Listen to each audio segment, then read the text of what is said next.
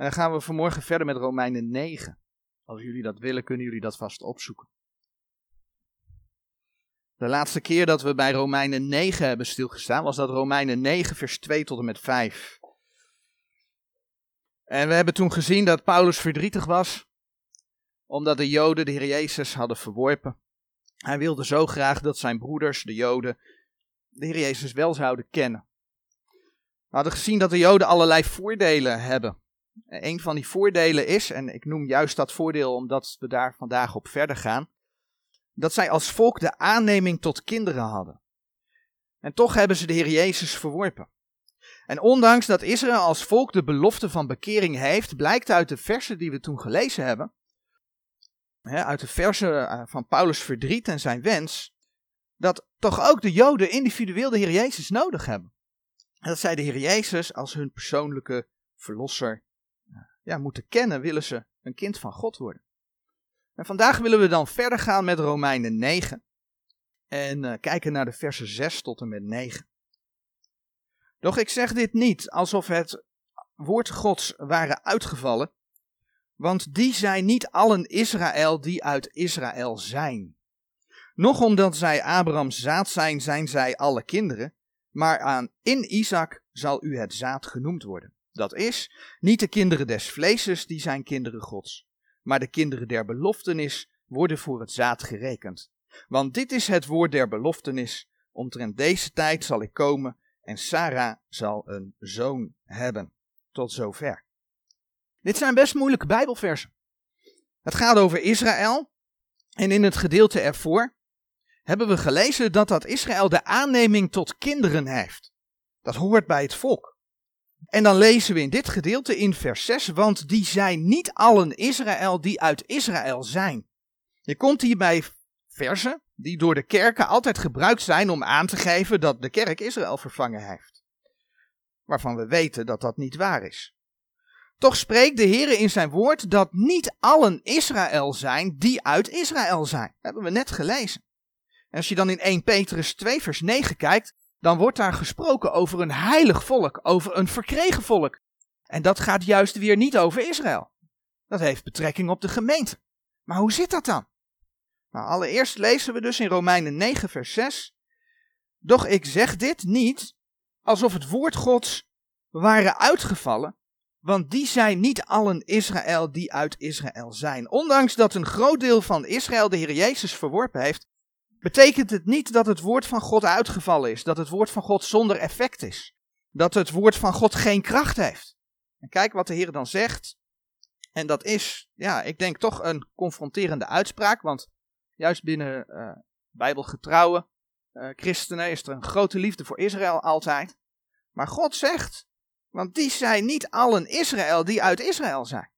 En als je gewoon in handelingen kijkt, in de Bijbel kijkt, het begin van handelingen, de kerkgeschiedenis, dan is er een deel van het Joodse volk dat wel degelijk geloofde, dat wel degelijk de Heer Jezus als een persoonlijke eh, verlosser had aangenomen. En juist dat deel dat de Heer Jezus kent uit Israël, dat is voor de Heer klaarblijkelijk Israël. Zo lezen we in Romeinen 2, vers 28 en 29. Nou, er wordt altijd vergeestelijkt op de kerk betrokken. Maar daar gaan, deze versen gaan niet over de kerk. Romeinen 2, vers 28 en 29. Want die is niet een Jood die het in het openbaar is, noch die is de besnijdenis die het in het openbaar in het vlees is, maar die is een Jood die het in het verborgene is. En de besnijdenis des harten in de geest, niet in de letter, is de besnijdenis, wiens lof niet is uit de mensen, maar uit God. De Joden hadden als volk de aanneming tot kinderen als voordeel. Ze waren als volk door de Heren boven de andere volken geplaatst. En toch maakt het Jood zijn ze niet automatisch een kind van God.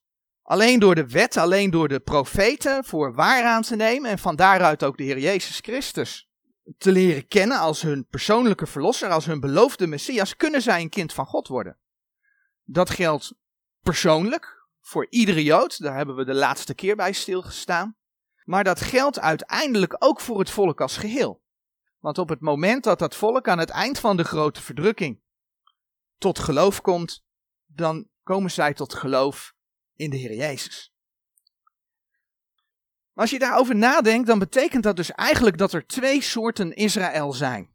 De ene is gewoon het fysieke Israël. Het volk zoals het ook nu er is.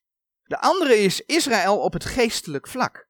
Zij uit het Joodse volk die de Heer Jezus hebben aangenomen, zijn het Israël Gods. En dan bladeren we naar Gelaten 6, vers 15 en 16. Gelaten 6, vers 15 en 16. En in die versen lezen we het volgende.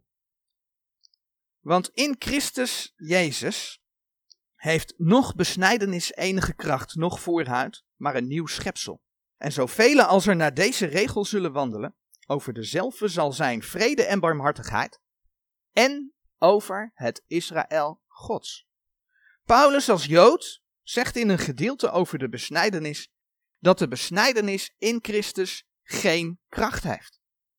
Alleen het feit of je opnieuw geboren bent, of je een nieuw schepsel bent. Over degenen die daaruit leven, dan heb je het dus over de gemeente. Over degenen die daaruit leven zal Gods vrede en barmhartigheid zijn. En dan wordt daar specifiek een deel van de gemeente genoemd, namelijk en over het Israël Gods. Dat zijn dus de Joden die de Here wel degelijk hebben aangenomen. Maar dat is dan wel geestelijk.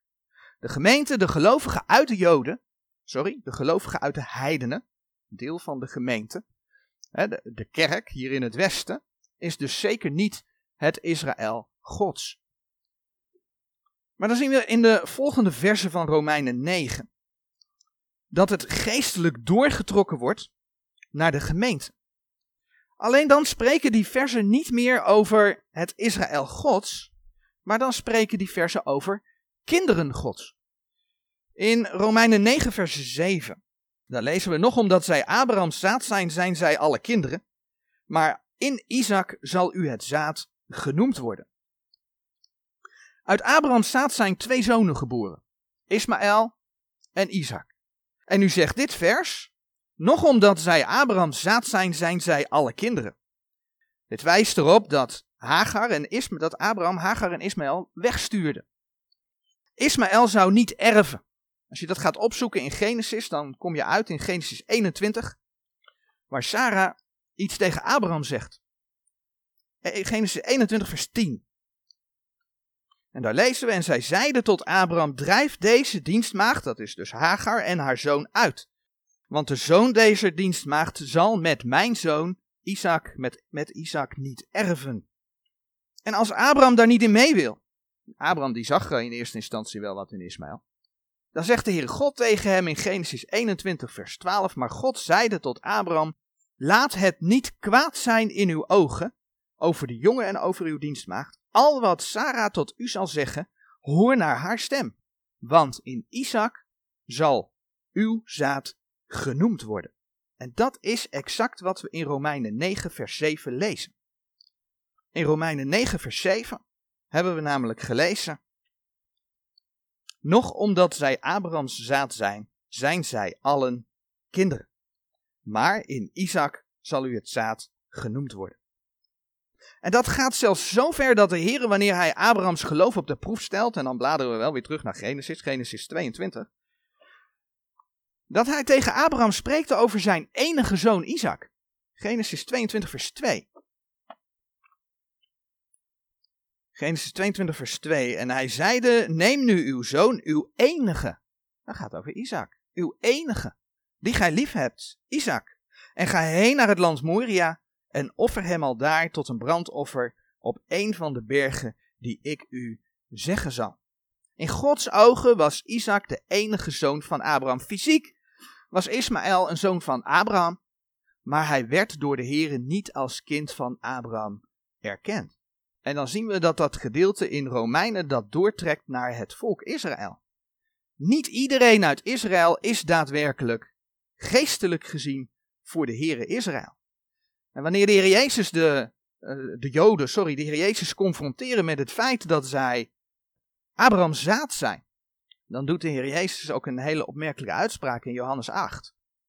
In Johannes 8 zien we dat de Joden er prat op gaan dat zij Abrahams zaad zijn, Johannes 8, vers 39. Zij antwoordden en zeiden tot hem: Abraham is onze vader. Jezus zeide tot hen: Indien gij Abrahams kinderen waart, zo zoudt gij de werken Abrahams doen. Zie wat de Heer Jezus tegen de Joden zegt? Indien gij Abrahams kinderen waart. En even verderop zegt de Heer Jezus zelfs dat de duivel hun vader is. Vers 44. Gij zijt uit de vader de duivel en wilt de begeerte uws vaders doen. Die was een mensenmoorder van den beginnen en is in de waarheid niet staande gebleven, want geen waarheid is in hem. Wanneer hij de leugen spreekt, zo spreekt hij uit zijn eigen, want hij is een leugenaar en de vader derzelfde leugen. Gij zijt uit de vader de duivel.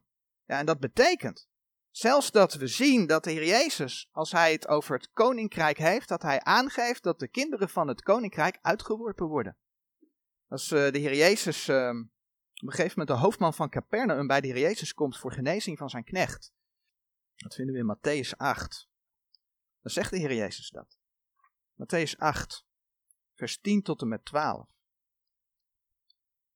Jezus nu dit horende, die hoofdman, hè, die vraagt om genezing. En dan zegt hij in vers 9, want ik ben ook een mens onder de macht van anderen, hebbende onder mij krijgsknechten. En ik zeg tot deze, ga en hij gaat, en tot de andere, kom en hij komt. En tot mijn dienstknecht, doet dat en hij doet het. Hij geloofde echt dat de Heer Jezus de macht had om zijn knecht te genezen. En dan zegt de Heer Jezus in vers 10, Jezus nu dit horende heeft zich verwonderd en zeide tot degene die hem volgde, voorwaar zeg ik u, ik heb zelfs in Israël zo groot geloof niet gevonden. Doch ik zeg u dat velen zullen komen van oosten en westen en zullen met Abraham en Isaac en Jacob aanzitten in het koninkrijk der hemelen. En de kinderen des koninkrijks zullen uitgeworpen worden in de buitenste duisternis. Al daar zal wening zijn en knersing der tanden. Ik denk dat dit soort versen een beetje perspectief brengt in eh, zicht brengt op, op het spreken over Israël. Dit is wat de Heer Jezus tot het Joodse volk zegt. Daaruit blijkt dus nogmaals wat we in Romeinen 9 gelezen hebben. Want die zijn niet allen Israël die uit Israël zijn. Niet voor niks dat dat gezegd wordt. Maar dan zegt Romeinen 9 vers 8. Romeinen 9 vers 8. Dat is niet de kinderen des vleeses die zijn kinderen gods. Maar de kinderen der beloftenis worden voor het zaad gerekend. Hier wordt de belofte van Isaac aan Abraham doorgetrokken op het geestelijk vlak want de kinderen der beloftenis worden voor het zaad gerekend. Zoals Sarah de belofte van God had om Isaac te ontvangen, wat we in Romeinen 9 vers 9 lezen. Want dit is het woord der beloftenis, omtrent deze tijd zal ik komen en Sarah zal een zoon hebben. God had die belofte gegeven, die belofte is uitgekomen. Maar zo was er de belofte dat de zegen van Abraham naar de heidenen zou gaan. En Galaten vertelt daarover. In uh, Galaten 3 vers 14. Gelaten 3 vers 14 lezen we op dat de zegening Abrahams tot de heidenen komen zou in Christus Jezus. En opdat wij de belofte des geestes verkrijgen zouden door het geloof. En dat heeft met zaad te maken. Want uit Abraham, uit Isaac, uit Jacob zou de Heer Jezus komen. En daarom lezen we in vers 16 van Gelaten 3. Nu zo zijn de beloften is tot Abraham en zijn zaad gesproken. Hij zegt niet en de zaden als van velen, maar als van één. En uw zaad, het welk is Christus. Dus voor Israël geldt niet dat de kinderen des vleeses kinderen van God zijn. Maar door de belofte van het zaad, Jezus Christus, kunnen zij kinderen Gods worden. Door in Hem te geloven. En de Heer laat zien, onder andere in Galaten, dat dus die zegen tot de heidenen is gekomen. Want ook de heidenen kunnen in Jezus Christus kinderen Gods worden. In Galaten 3, vers 26. Lezen we, want gij zijt alle kinderen Gods door het geloof in Christus Jezus. En in vers 29, en indien gij van Christus zijt, zo zijt gij dan Abrahams zaad en naar de beloftenis erfgenamen. In Christus is er dus redding voor de Jood, in Christus is er redding voor de heiden. Dat is een geestelijke zaak. Wat de kerken gedaan hebben, is al die teksten op één grote hoop gooien en hebben de conclusie getrokken, dus wij zijn geestelijk Israël. En hebben dat oude volk vervangen in Gods plan. Dat is wat de kerken gedaan hebben. Maar het is niet wat de Bijbel zegt. Wij zijn kinderen Gods. Net als het Israël Gods. Wij zijn geestelijk gezien, daar spreekt 1 Petrus 2 vers 9 over, een verkregen volk. En dus ook geestelijk gezien kinderen van Abraham. Maar daarmee is de gemeente niet Israël geworden. De beloften staan nog steeds voor dat fysieke Israël. Dus niet het Israël Gods. Het Israël Gods hoort bij de gemeente. Net als de gelovigen uit de heidenen. Wordt ook opgenomen. En dan gaat God verder met het fysieke volk Israël. Het is namelijk Israël dat tot bekering gaat komen aan het eind van de grote verdrukking. De profeten in het Oude Testament hebben dat geprofiteerd. Paulus bevestigt het in Romeinen 11. Romeinen 11, vers 26. En alzo zal geheel Israël zalig worden, gelijk geschreven is, de verlosser zal uit Sion komen en zal de goddeloosheden afwenden van Jacob. Dat gaat gebeuren. De Heere belooft het. Als dit op de gemeente zou slaan, alle beloften van Israël op ons, wat zou dat inhouden? Dat zou inhouden dat wij nog tot bekering moeten komen. Dat is natuurlijk onzin, want wij zijn tot bekering gekomen. Zijn de gemeente, we zijn uit de wereld getrokken. Dat is een belofte voor Israël. Dus het overblijfsel uit Israël zal geheel zalig worden. Dat is een belofte dat geen enkel ander volk heeft, maar Israël wel. En daarom lezen we als slot in Romeinen 11, vers 28. Romeinen 11, vers 28. Zo zijn zij wel vijanden aangaande het evangelium uwentwil, maar aangaande de verkiezing zijn zij beminde om der vaderen wil. Amen.